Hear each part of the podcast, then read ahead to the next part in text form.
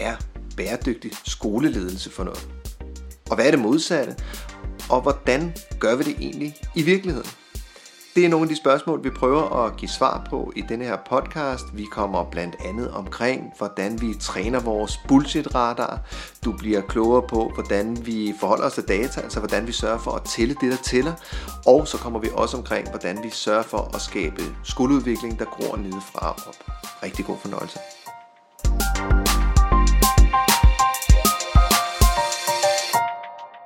Velkommen til den her podcast, som har overskriften Bæredygtig skoleledelse. Jeg har sat min gode kollega Kasper Rongsted i stævne. Jeg hedder Kasper Myting selv. Vil du lige sige hej? Ja, goddag. Og tak fordi jeg må være med. Den her podcast, den laver vi faktisk på opfordring, og baggrunden for den er, at vi i fredags havde fornøjelsen af at holde oplæg op på Conventum i Helsingør for 200 nordsjællandske skoleledere, som havde inviteret os til at øh, holde oplæg om lige præcis den her overskrift, altså hvordan er det, vi bedriver bæredygtig skoleledelse. Og det giver meget god mening, synes jeg, så at starte med at stille det modsatte spørgsmål. Så hvis vi gerne vil hen imod bæredygtig skoleledelse, hvad er så det modsatte? Det må betyde, at der er noget i den måde, vi bedriver skoleledelse på i dag, som ikke er bæredygtigt. Præcis. Der er et problem. Ja. Der, er no, der er faktisk en række problemer. Og vi kan også sige, at overskriften fik vi jo foræret og skulle tale ind under det. Så det har vi brugt en del tid på at, at, at diskutere de forløb, den verden, vi oplever, når vi har det der lidt udefra kommende blik, fordi vi jo er gæster som konsulenter på skolerne. Hvad, hvad, hvad er det så, vi ser og oplever? Altså kan man sige, det har været omdrejningspunktet det arbejde, vi har lavet de sidste mange, mange år, at vi enten sådan helt øh, men været bevidst eller ubevidst, og skulle forholde os til, hvordan vi i gang sætter udvikling eller forandringer eller fordybelsesprocesser på skoler, som gerne skulle holde. Ja. Ikke bare øh, øh, to uger efter eller skoleåret efter, men, men gerne langt ind i fremtiden. Så man ikke bare sidder som, øh, som lærer eller pædagog, som, som en lærer fra Herlev sagde til mig en gang, ja, men altså, jeg sidder bare og tænker, ja, ja, nu går det nok snart over, så ser vi, hvad der sker. Ikke? Og det, det sådan skal det helst ikke være. Nej, lige, lige præcis. Jeg kunne, jeg kunne godt tænke mig lige at dvæle lidt ved det her spørgsmål. Hvad er det modsatte egentlig? Ja. En, hvad er ubæredygtig skoleledelse, hvis det overhovedet er et ord? Er det det her med, at vi måske kommer til at blive ramt af den her projektitis, Altså at vi sætter for mange projekter i søen, som vi ikke får fuldt til dørs, eller vi, som ikke bliver forankret i, i praksis, inden vi så tager hul på den, på den næste indsats, eller det næste, øh, eller det, det næste projekt. Ikke? Det er i hvert fald noget, vi har oplevet øh, og set rundt omkring. Og det er jo i bedste mening, det vil jeg også gerne understrege. Det er jo fordi, man bliver grebet af noget, noget der er spændende, og så sætter nogen noget i gang. Og, og det kan være en udfordring. Den næste ting er så den tidsmæssige udfordring. Det er næsten ligegyldigt, hvad vi øh, er optaget af i forhold til skole, så er tid altid en mangelvare. Øh, og det er, øh, det er at, at, at buen simpelthen bliver spændt for hårdt tidsmæssigt, så folk ikke kan nå at følge op på det, de skal. Ja, så vil jeg også sige det her med, og, og øh, i meget forlængelse af det, du siger med, med, med tiden, men også det her med, at man måske som, som ledelse kommer til at miste forbindelsen øh, og følingen, både med eleverne ude i, i klasserummene, men også medarbejderne ude i teamet. Øhm, fordi at der har været en diskurs inden for de, eller en tendens inden for de seneste år til, at vi fokuserer rigtig meget på strategisk ledelse, og knap så meget på den, på den, på den faglige ledelse. Så det her med, at man i troen på, at distribueret ledelse eller databaseret ledelse kan løse måske lidt flere udfordringer, end de, end de egentlig kan i praksis. Vi må ikke miste fornemmelsen for, øh, vores medarbejdere og for eleverne og for skolens kerneopgave, altså at eleverne de skal lære noget, de skal trives imens de gør det, og kerneydelsen, altså al den undervisning og de pædagogiske aktiviteter, der foregår i hverdagen. Det er det, der er omdrejningspunktet for at, at bedrive skoleudvikling. Og gå ind og tænke mig lige at dvæle lidt ved ordet skoleudvikling, fordi alene det ord får mig nogle gange til sådan lige at stride en lille smule, fordi jeg kunne egentlig bedre tænke mig at kalde det for skolefordybelse. Men det er en, det er en, det er en, en, side, en sidebemærkning. Du har jo været dansklærer. Men jeg synes, vi skal gå videre. Ja, Fordi der er en anden, et andet paradoks, som vi også er optaget af, at, øh, at, at hele skolens omdrejningspunkt er jo børns øh, trivsel og læring. Og derfor sker der nogle gange øh, noget i den måde, vi laver skoleudvikling på. Kan du ikke lige uddybe det, Kasper? Jo, altså jeg synes, at det, sådan, for at lave en rammeforståelse om det, vi gerne vil ind på her i, i løbet af den her podcast, fordi vi har egentlig aftalt, at vi, vi vil gerne sådan besvare tre overordnede spørgsmål. Dem, dem skitserer vi lige med et kort øjeblik.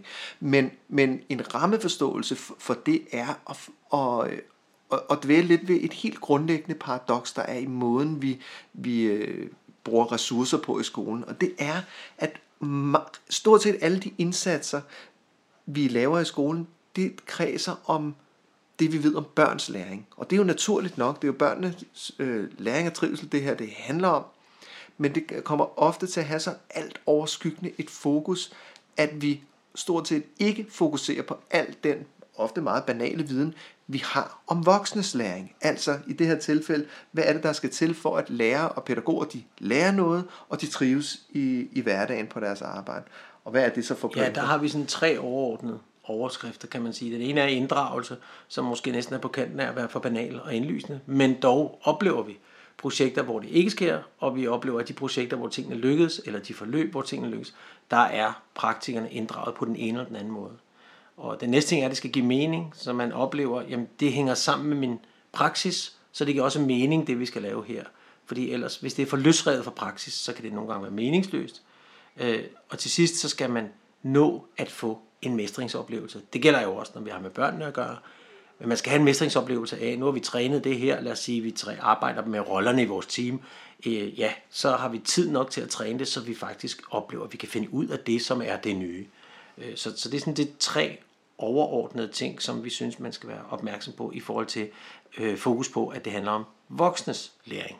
Ja, mange af dem er jo sådan ret enslydende med det, vi ved om, om børns læring, men vi fokuserer bare ofte på dem i et lidt andet perspektiv, og glemmer, hvad det er, der skal til, for hvis det skal lykkes at, øhm, at, at, at gøre det her i virkeligheden, for det er jo altså de, de voksne og de professionelle, der skal bære det her i virkeligheden.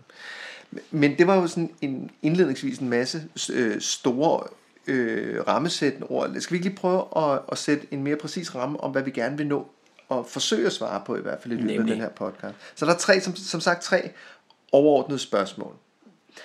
Det første, det er, hvordan får vi skoleudvikling til at gro nedefra og op? Og det andet, det er data. Hvordan tæller vi det, der tæller? Og nummer tre, det handler om, hvordan vi styrker vores bullshit-radar. Så lad os kaste os ud i etteren, at skoleudvikling skal gro nedefra. Og meget kort fortalt, det er en historie, som, som flere har hørt derude. Øh, jeg har flere gange haft oplevelser med lærere, så, hvor jeg har tænkt, der står du, en super erfaren lærer, for eksempel en lærer, jeg mødte ude på en skole ude øh, på Vestegnen øh, i Tostrup, og som havde været lærer i 35 år, og nærmest aldrig havde haft mulighed for at dele alle sine erfaringer med sine kolleger, andet end sådan på pædagogiske dage osv. Men man havde aldrig sådan interviewet ham om, hvad er din metode, hvad gør du osv. Øh, og, og det gav i hvert fald også noget inspiration til at sige, al skoleudvikling, vi er inddraget i, der skal det være muligt for dem, der sidder med nogle erfaringer, at dele dem med deres kolleger. På den ene eller den anden måde, så lad os sige, at vi har et forløb om teamsamarbejde, jamen så en del af det forløb skal være, at nogle af dem, der har nogle erfaringer med teamsamarbejde, gode og dårlige, får lov til at komme på banen og fortælle om det, og, bruge der, og dele deres erfaringer, og bruge det til noget. Det er, det er vi meget optaget af. Mm. Øh, en anden, en anden udfordring i forhold til det her med at få skoleudvikling til at gro nedefra og op, i stedet for det udelukkende af noget, der sker oppefra og ned. Det er jo en tendens, vi, vi, vi ser har været ret udbredt inden for de seneste, i hvert fald 10 år. Det her med, at man i en kommune, jamen så øh, tager vi udgangspunkt i sætningen, den seneste nye forskning viser, at nu er det læringsstil, der er det eneste lyksaliggørende, eller nu er det cooperative learning, eller nu er det... Co-teaching kunne det også være, som er meget hot lige nu, som ja. vi holder meget af begge to og synes er knaldgodt. Men det er jo det der oppe i tiden, kan man sige. Ja, det er præcis. Det, det, det der i hvert fald ofte sker, er at sige, nu er det, nu er det, det her, præcis. som er det eneste... Som er svaret. Som er svaret på alle vores ja. Øh, bønder. Og hvis vi bliver dygtige til lige præcis det her, men så, så, så, så lærer vores, øh, vores børn en hel masse mere. For hvad var spørgsmålet? Ja, her har vi svaret, men var der overhovedet nogen, der stillede et spørgsmål og ønskede det her? Nej, men det er en modebølge. Ikke? Ja, og ja, i hvert fald er, altså hvis vi tager nogle af alle de her øh, buzzwords eller, eller modeluner, og det kunne også være øh, synlig læring, målstyret læring, classroom management, og ja, vi, sådan, sådan, det, den der liste kunne være ufattelig lang. Øhm, og der er ikke noget galt i noget af det, du nævner der, men, men det er ofte løsrevet fra det, det er løsrevet, og så bliver det glemt igen. Og det er problematikken. Fordi der er for eksempel i cognitive learning, er der jo fantastiske muligheder for at få eleverne til at samarbejde på kryds og tværs. Men så bliver det en mode, der kører noget tid, og så forsvinder det igen. Og det synes vi er synd. Ja, og det er i hvert fald alle sammen har til fælles, det er, at det, eller mange af dem har i hvert fald det til fælles, at de er et hjørne af det, det vil sige at være en dygtig lærer eller skolepædagog, for det har noget at gøre med så utrolig mange forskellige ting på en og samme tid. Så dels har der manglet et overblik over, jamen, hvad er det så, man skal kunne? Altså, hvad er det, forskningen siger, man skal, man skal kunne? Så hvornår er det, vi zoomer ind på noget af det. For eksempel det, at jamen, jeg skal være dygtig til at danne relationer. Øh, hvornår zoomer jeg ud igen og zoomer ind på noget andet. Det kunne handle om klasseledelse eller planlægning, eller hvad det, hvad det nu kunne handle om. Og det overblik kan man sige, vi har, vi har forsøgt at lave i vores model kompetencehjul, og den skal vi ikke komme ind på her, men den imødekommer netop det, Kasper siger med de her kompetencer, undervisningskompetence, klasseledelseskompetence og relationskompetence, eller social kompetence, om man vil. Øh, og det, det var vores forsøg på at, og, og hæve os lidt over, lad os sige cooperative learning, co-teaching osv., men hæve os lidt over det, øh, og lad det være en del af modellen. Øh, men målet har været og er at bruge kompetencehjulet som et dialogværktøj mellem pædagoger og lærere, og lærere og lærere, og pædagoger og pædagoger, sådan så de kan få udveksle deres erfaringer, men også kan få et overblik over, hvad skal man egentlig kunne som pædagog eller lærer. Ja, altså hele tanken er med at afsætte det her overblik, giver det mening for, eller giver det mulighed for, det, for den enkelte lærer eller pædagog, for det enkelte team, for den enkelte skole, og se, hvor er det, det giver mening at fokusere lige præcis på vores ja, skole, præcis. eller team, eller, øh, eller for mig som, som professionel. Så det er, og der, altså, jeg er enig i, at vi skal jo ikke gå ind i kompetencehjulet. Jeg, der kender os i forvejen, kender jo måske allerede modellen, men den kan man jo gå ind og hente på vores øh, hjemmeside. På eller vbds.dk, eller høre en podcast øh, lige præcis her. Det næste andet spørgsmål, det er data. Hvordan tæller vi det, der tæller?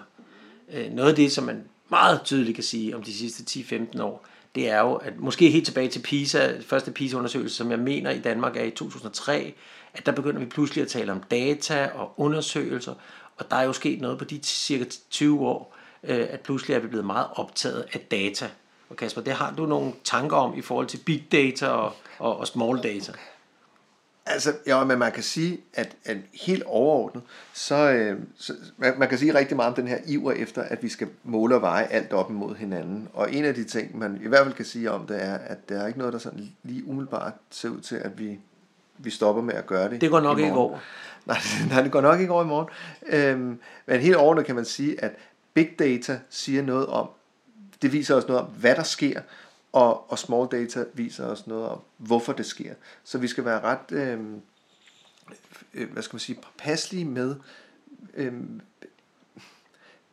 hvor, hvor det er, vi lægger vores fokus ikke, i, i anvendelsen af data. Og hvad data skal bestemme, kan man også sige. Ikke? Så PISA-undersøgelsen viser noget, og det er frygtelig interessant meget af det, men det skal bare ikke bestemme, hvad der så sker i danske skoler. Det skal være med til at informere os om, hvad vil så være det kloge at gøre. Men det, men, men det vi ser historisk, det er, at det så har fået for meget plads simpelthen, at hvis Danmark ligger, lad os sige, 12 i matematik, jamen det er for dårligt, øh, det skal vi gøre noget ved, og så laver man nogle indsatser, og sådan kommer der løbende undersøgelser, der gør, at man så laver nogle indsatser, og det synes vi er problematisk, og nu er vi helt op på politisk plan.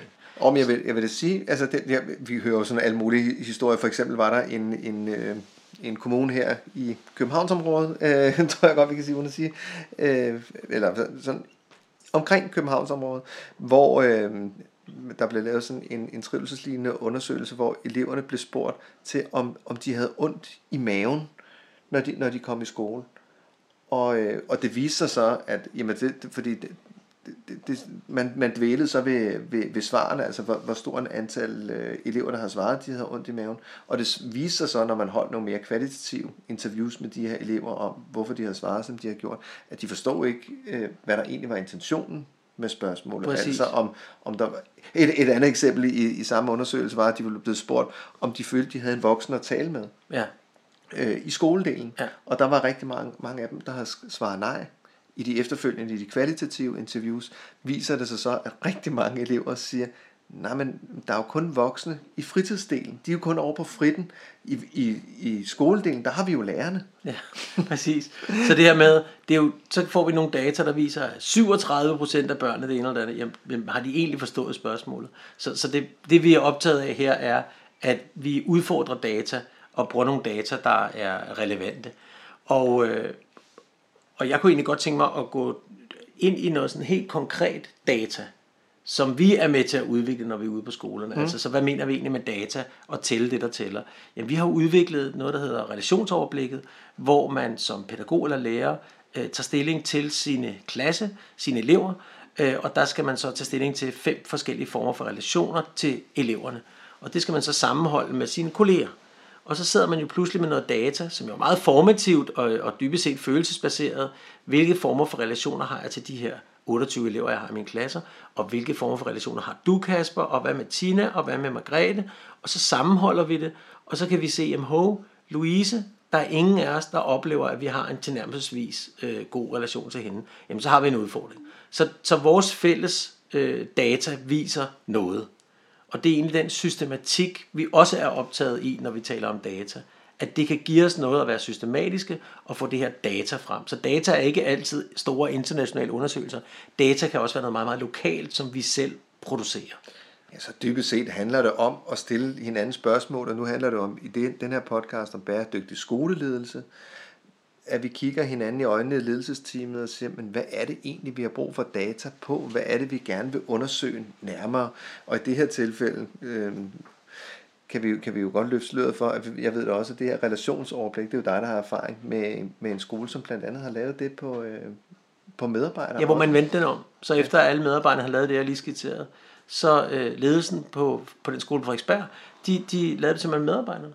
Øh, og sagde det jo et højt til medarbejderne. Altså vi har også lavet Øh, et, hvor vi kan se, at har alle medarbejdere på skolen en leder, de kan gå til, der sidder fire eller fem i ledelsen. Det synes jeg er enormt stærkt gjort. Altså, det havde jeg faktisk ikke tænkt over, men også kunne. Så det var en foræring. Øh, og, og det synes jeg var enormt stærkt gjort, at de så også bliver optaget af, øh, hvem, hvem skal de voksne så opleve, at de kan gå til, sådan så man kan måske øge relationen til nogle af de voksne, mm. øh, eller i hvert fald undersøge, om de ønsker en relation. Jeg kunne godt tænke mig lige at slå en krølle, inden vi går videre til det sidste spørgsmål, Kasper. Ja. Bare fordi nu, nu nævner du PISA i, ja. i starten. Jeg synes, der er, hvis vi lige prøver at hæve blikket en lille smule, så er der en tendens til, at vi kommer til at tælle det, der ikke tæller. Eller i hvert fald bruge, bruge data eller forskning som et middel til rigtig hurtigt at drage nogle konklusioner, også ofte nogle fejls, øh, ja. fejlslutninger. Øhm, og vi rigtig ofte kommer til at fokusere på det, der ikke virker ja. særlig godt. Altså for eksempel er PISA i den grad blevet brugt til at, at slå øh, skoleledere og lærere og pædagoger oven i hovedet med parolen om, at vores skole den er både for dyr og for dårlig. Øhm, det, der er sjovt nok, nu når vi lige taler om PISA, blev der jo lavet sidste sommer en, en undersøgelse på Harvard, det der hedder Center for um, Curriculum Redesign, hvor man har leget med tanken om, at man har undersøgt, hvad nu hvis PISA målte firedimensionelt, i stedet for endimensionelt på, øh, på, på færdighed og viden. Hvad, hvad nu hvis man også målte på sådan noget som elevernes øh, karakterstyrker, og sådan noget med deres øh, evne til at reflektere over deres egne læreprocesser og sådan noget. Hvordan vil, hvordan vil PISA-rangeringen så se ud? Og det interessante er, at der, der vil Danmark ligge i toppen. Altså Præcis. helt i toppen. De vil ligge nummer et, og den, øh, den undersøgelse er jo fuldstændig gået alle dagbladets næse forbi. Eller i hvert fald har de valgt ikke at, at bringe den. Ja, præcis. Så, så man kan sige, i forhold til det med data, er der også en lille trist historie i, at, at det i hvert fald ikke har mediernes opmærksomhed øh, når der kommer godt nyt. Og, og det ved vi også fra undersøgelsen ICCS, fuldstændig valid undersøgelse, 93.000 elever, der handler om demokrati, og vi ved det fra ICILS, som undersøger øh, elevernes evne til at bruge data øh, og bruge øh, computer, øh, og det samme med lærernes evne. Øh, og der kan vi bare konstatere, at vi ligger nummer et i begge undersøgelser. Det er der ikke så mange, der har hørt om. Det kan vi jo godt ærge os over. Øh, og hvis man også ærger sig over det, så kan man gå på Danmarks Pædagogiske Universitets hjemmeside og finde de undersøgelser, vi lige talte om. Men lad os lige gå ned til det sidste område, som handler om, hvordan styrker vi vores bullshit radar. Det er jo meget voldsomt, Kasper. Kan du ikke lige uddybe det? Oh, jo, det er en, det er en voldsom overskrift, men vi mener, vi mener faktisk, at det, det, det vigtigste det her med, at vi har en, en fornuftig eller veludviklet kritisk sans over for de her nye ord, der, der skyller ind over os øh, løbende. Jeg, jeg ved, både du og jeg har da oplevet øh, flere gange, når vi, når vi har, har brugt nogle af de, de her nye forkortelser. Det kunne være PLF ja. for eksempel. Professionelle læringsfællesskaber. Yes. Ja. Eller, hvad, eller hvad det nu øh, kunne være, så har jeg da oplevet nogle gange, der sådan har, har en, en lærer eller pædagog, der har mumlet til sidemand. Nå, kan jeg vide, hvornår det så går over? Mm. Eller bare roligt, lad os, ja, vi venter til det går over. Mm. Eller, eller nogen, som har vendt øjne eller et eller andet. Fordi der er mange af vores praktikere derude, der måske er ved at blive en lille smule metaltrætte over for den her sætningsindleder, som jeg vil sige i starten. Den sidste nye forskning viser, at nu skal vi gå den her mm. vej. Ikke? Øhm, så, så altså, det, det, det, det der, det handler om, det er, synes jeg, at vi ofte bliver både for ambitiøse, vi bliver for ivrige, når det kommer til at, at, at sætte øh, en ny ting i søen. Så vi kommer til at gøre det i et for højt tempo, ja. som gør, at korthuset, det, det ender med at falde sammen, inden, øh, inden vi så forsøger at gøre skaden god igen ved at, at tage hul på det næste nye projekt, øh, som tror, ikke nødvendigvis hænger sammen med det forrige. Præcis, og jeg tror det er ud fra en, et, et ægte ønske om at bidrage med noget nyt, og det er også spændende, og måske har man læst en bog, og så har man snakket med en anden skoleleder, der også har læst en bog, eller set et foredrag med nogen og tænker, det er faktisk rigtig godt, det de siger om co-teaching, lad os gøre noget. Og det er det. Altså hvis vi nu bare holder fast i den bold. Co-teaching er knaldspændende. Vi er jo dybt optaget af det og synes, det giver svar på mange ting. Men det kunne godt være, at man ikke havde fået rundet de andre projekter af. Og det betyder, at, øh, at man måske lige skal vente lidt, selvom man er dybt optaget af at skulle i gang med noget nyt og nogle nye emner.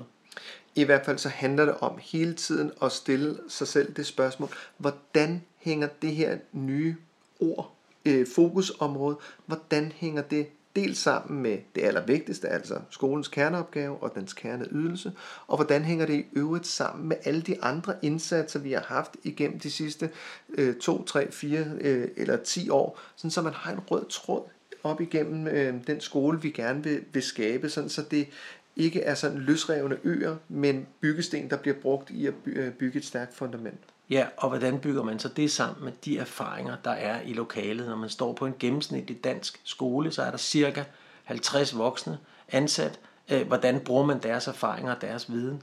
sådan så de oplever, at de er inddraget, og at det, de har lavet før, er inddraget. Så man bygger ovenpå det, i stedet for at sige, at nu skal vi i gang med noget helt andet. Altså det, det, det synes vi i hvert fald er problematisk.